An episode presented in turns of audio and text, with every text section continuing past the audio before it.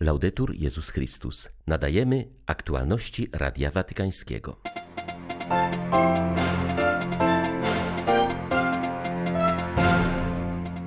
Trzeba zaprzestać myślenia według schematów wojennych. Potrzebujemy oddychać pokojem, podkreślił papież w przesłaniu do uczestników konferencji o budowaniu mostów w dzisiejszych czasach.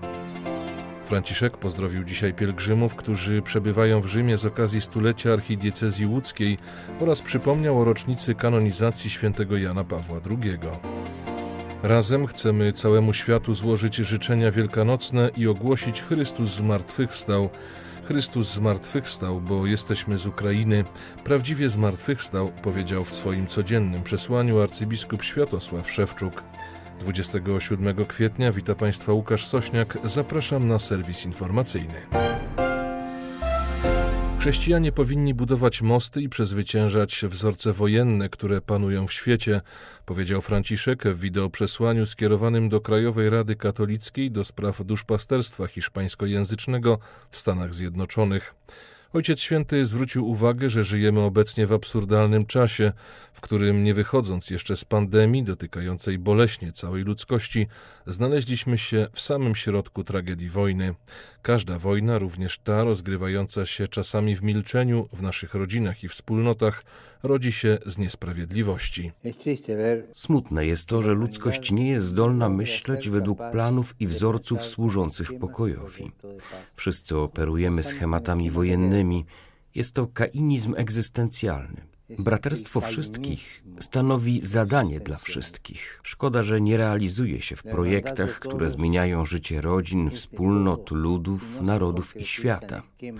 Zapraszam Was do refleksji nad potrzebą bycia chrześcijanami, którzy przekształcają struktury i potrafią budować mosty we wszystkich sektorach społeczeństwa, oświecając myśli tak, aby prowadziły do działań, które mogą przynieść pokój i jedność na wszystkich poziomach, począwszy od naszych rodzin i wspólnot. Ja potrzebuję pokoju, Ty potrzebujesz pokoju. Oddychanie pokojem jest zdrowe. Potrzebujemy konkretnych znaków pokoju. Chrześcijanie powinni dawać przykład.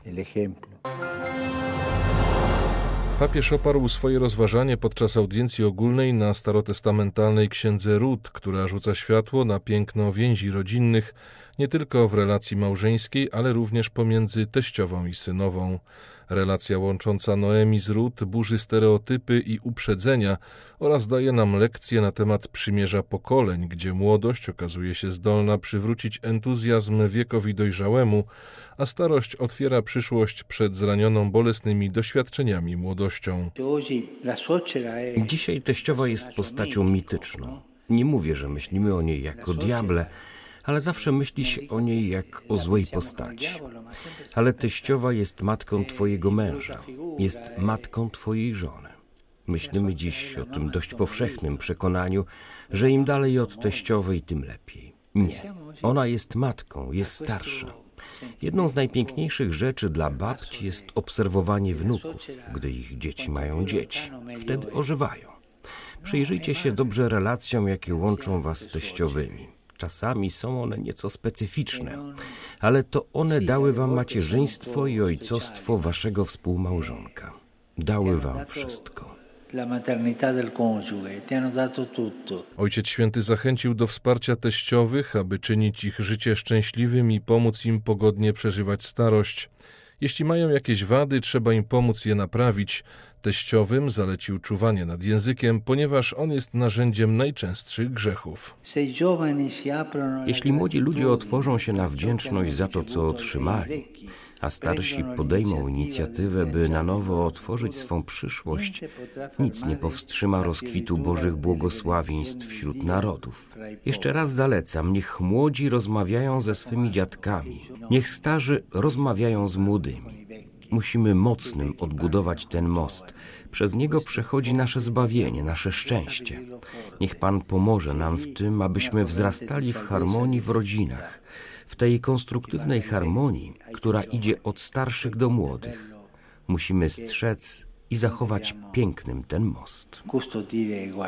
Papież życzył zebranym pielgrzymom, aby podejmując w okresie paschalnym rozważanie tajemnicy zmartwychwstania Chrystusa, chwała Pana była dla nich źródłem nowych energii w drodze do zbawienia. Ojciec Święty zachęcił wszystkich, aby podążali przez życie z ufnością i nadzieją oraz opierali budowanie swoich rodzin na fundamencie prawdy ewangelicznej. Do Polaków Franciszek powiedział: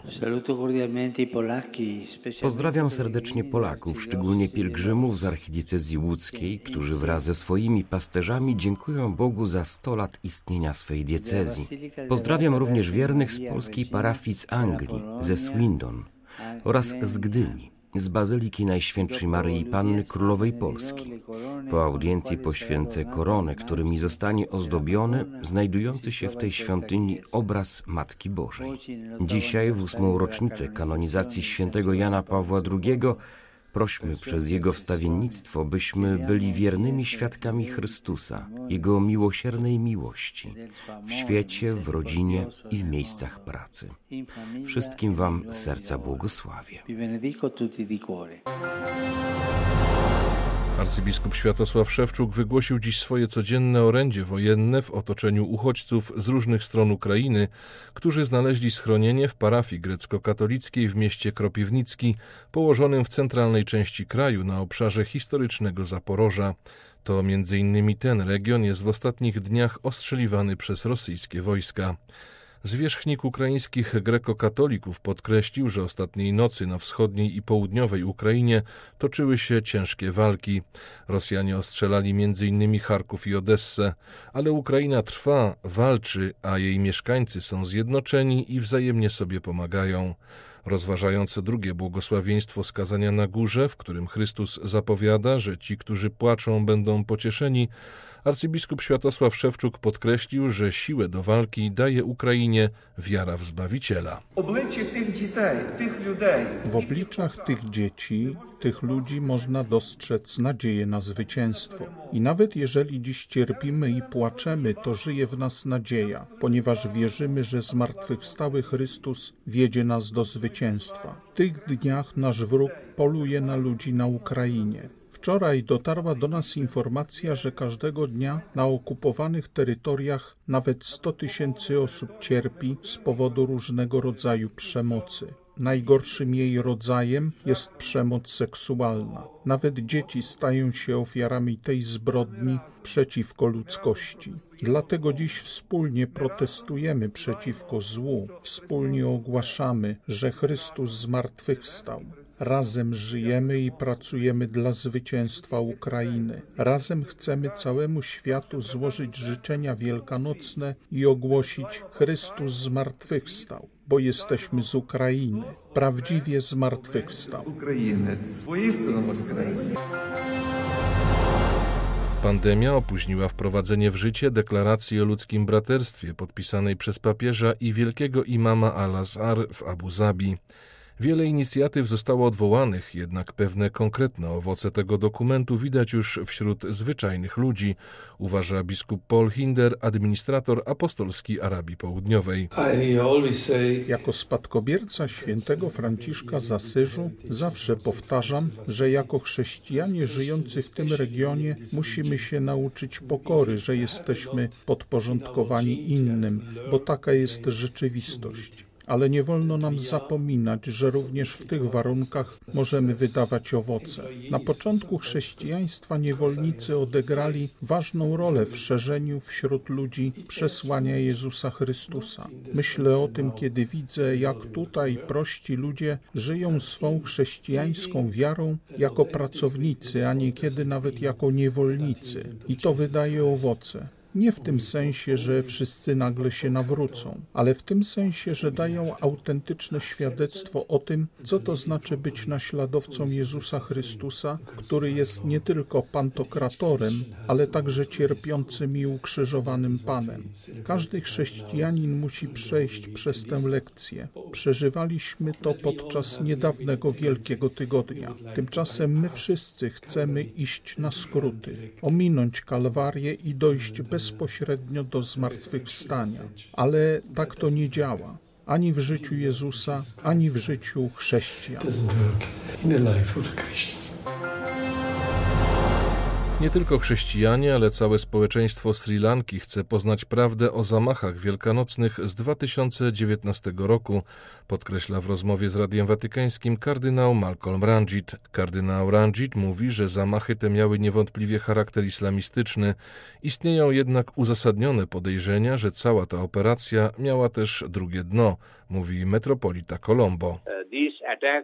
Te zamachy zostały przeprowadzone w atmosferze islamskiego fanatyzmu. Pojawiają się jednak świadectwa, które pokazują, że może być w tym coś jeszcze. Są dowody na to, że ówczesny rząd, a zwłaszcza wywiad wojskowy, miał kontakt z terrorystycznymi ugrupowaniami, które przeprowadziły zamachy. I choć domagaliśmy się, aby zostało to zbadane, żadne dochodzenie w tej sprawie nie zostało przeprowadzone. Wiemy natomiast, że jeden z zamachowców był przez cały czas śledzony przez wywiad wojskowy. Oczekiwaliśmy, że rząd to wyjaśni, ale nic w tej sprawie nie zrobiono. Ponadto rząd nie wyjaśnił, w jaki sposób zamachowcy uzyskali materiał wybuchowy. Istnieje podejrzenie, że inne wpływowe ugrupowanie, niekoniecznie muzułmańskie, było związane z zamachowcami i prawdopodobnie dostarczyło im materiały wybuchowe.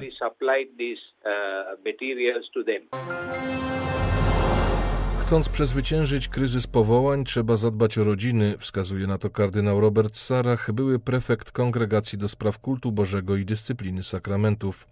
Jego zdaniem bardzo ważne jest, aby w tej kryzysowej sytuacji kapłani wystrzegali się aktywizmu, dbali przede wszystkim o żywą relację z Bogiem. Aby czynić dobro, trzeba czerpać z tego, który jest źródłem wszelkiego dobra, inaczej szybko będziemy wyczerpani, mówi kardynał Sarach.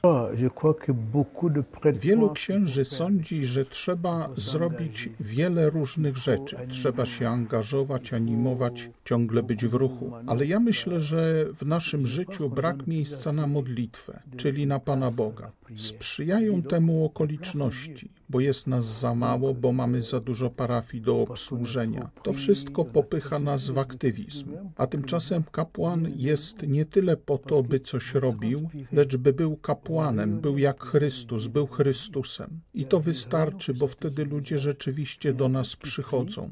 Jeśli kapłan się modli, to ludzie wiedzą, że on spotkał Pana. Oni to widzą i dlatego garną się do Niego, aby prosić Go o radę, o kierownictwo duchowe. Grozi nam tymczasem, że zapomnimy o tym, co najważniejsze, o Panu Bogu. W Kazachstanie rozpoczęło się pierwsze spotkanie konferencji biskupów krajów Azji Środkowej. Głównym tematem jest wizyta papieża Franciszka, który weźmie udział w zaplanowanym na wrzesień siódmym Kongresie Światowych i Tradycyjnych Religii w stolicy kraju Nur-Sultanie. Prezydent Kazachstanu zaprosił papieża na kongres już w 2018 roku. Wówczas jednak Ojciec Święty nie skorzystał z zaproszenia. Tegoroczna wizyta, jak zaznaczył papież w rozmowie z prezydentem, będzie wydarzeniem ważnym z punktu widzenia krzewienia dialogu międzyreligijnego oraz jedności wśród krajów świata, której, co podkreślił Franciszek, bardzo obecnie potrzeba. Uczestnicy spotkania konferencji biskupów krajów Azji Środkowej wybiorą przewodniczącego, ustanowią statut oraz omówią sprawy organizacyjne nowej instytucji i jej zadania. Na zakończenie odwiedzą miejsca ważne dla katolików w Kazachstanie, w tym Narodowe Sanktuarium Królowej Pokoju w Ozjornoje, gdzie poświęcą Azję Środkową Najświętszej Maryi Pannie. Były to aktualności Radia Watykańskiego. Laudetur Jezus Chrystus.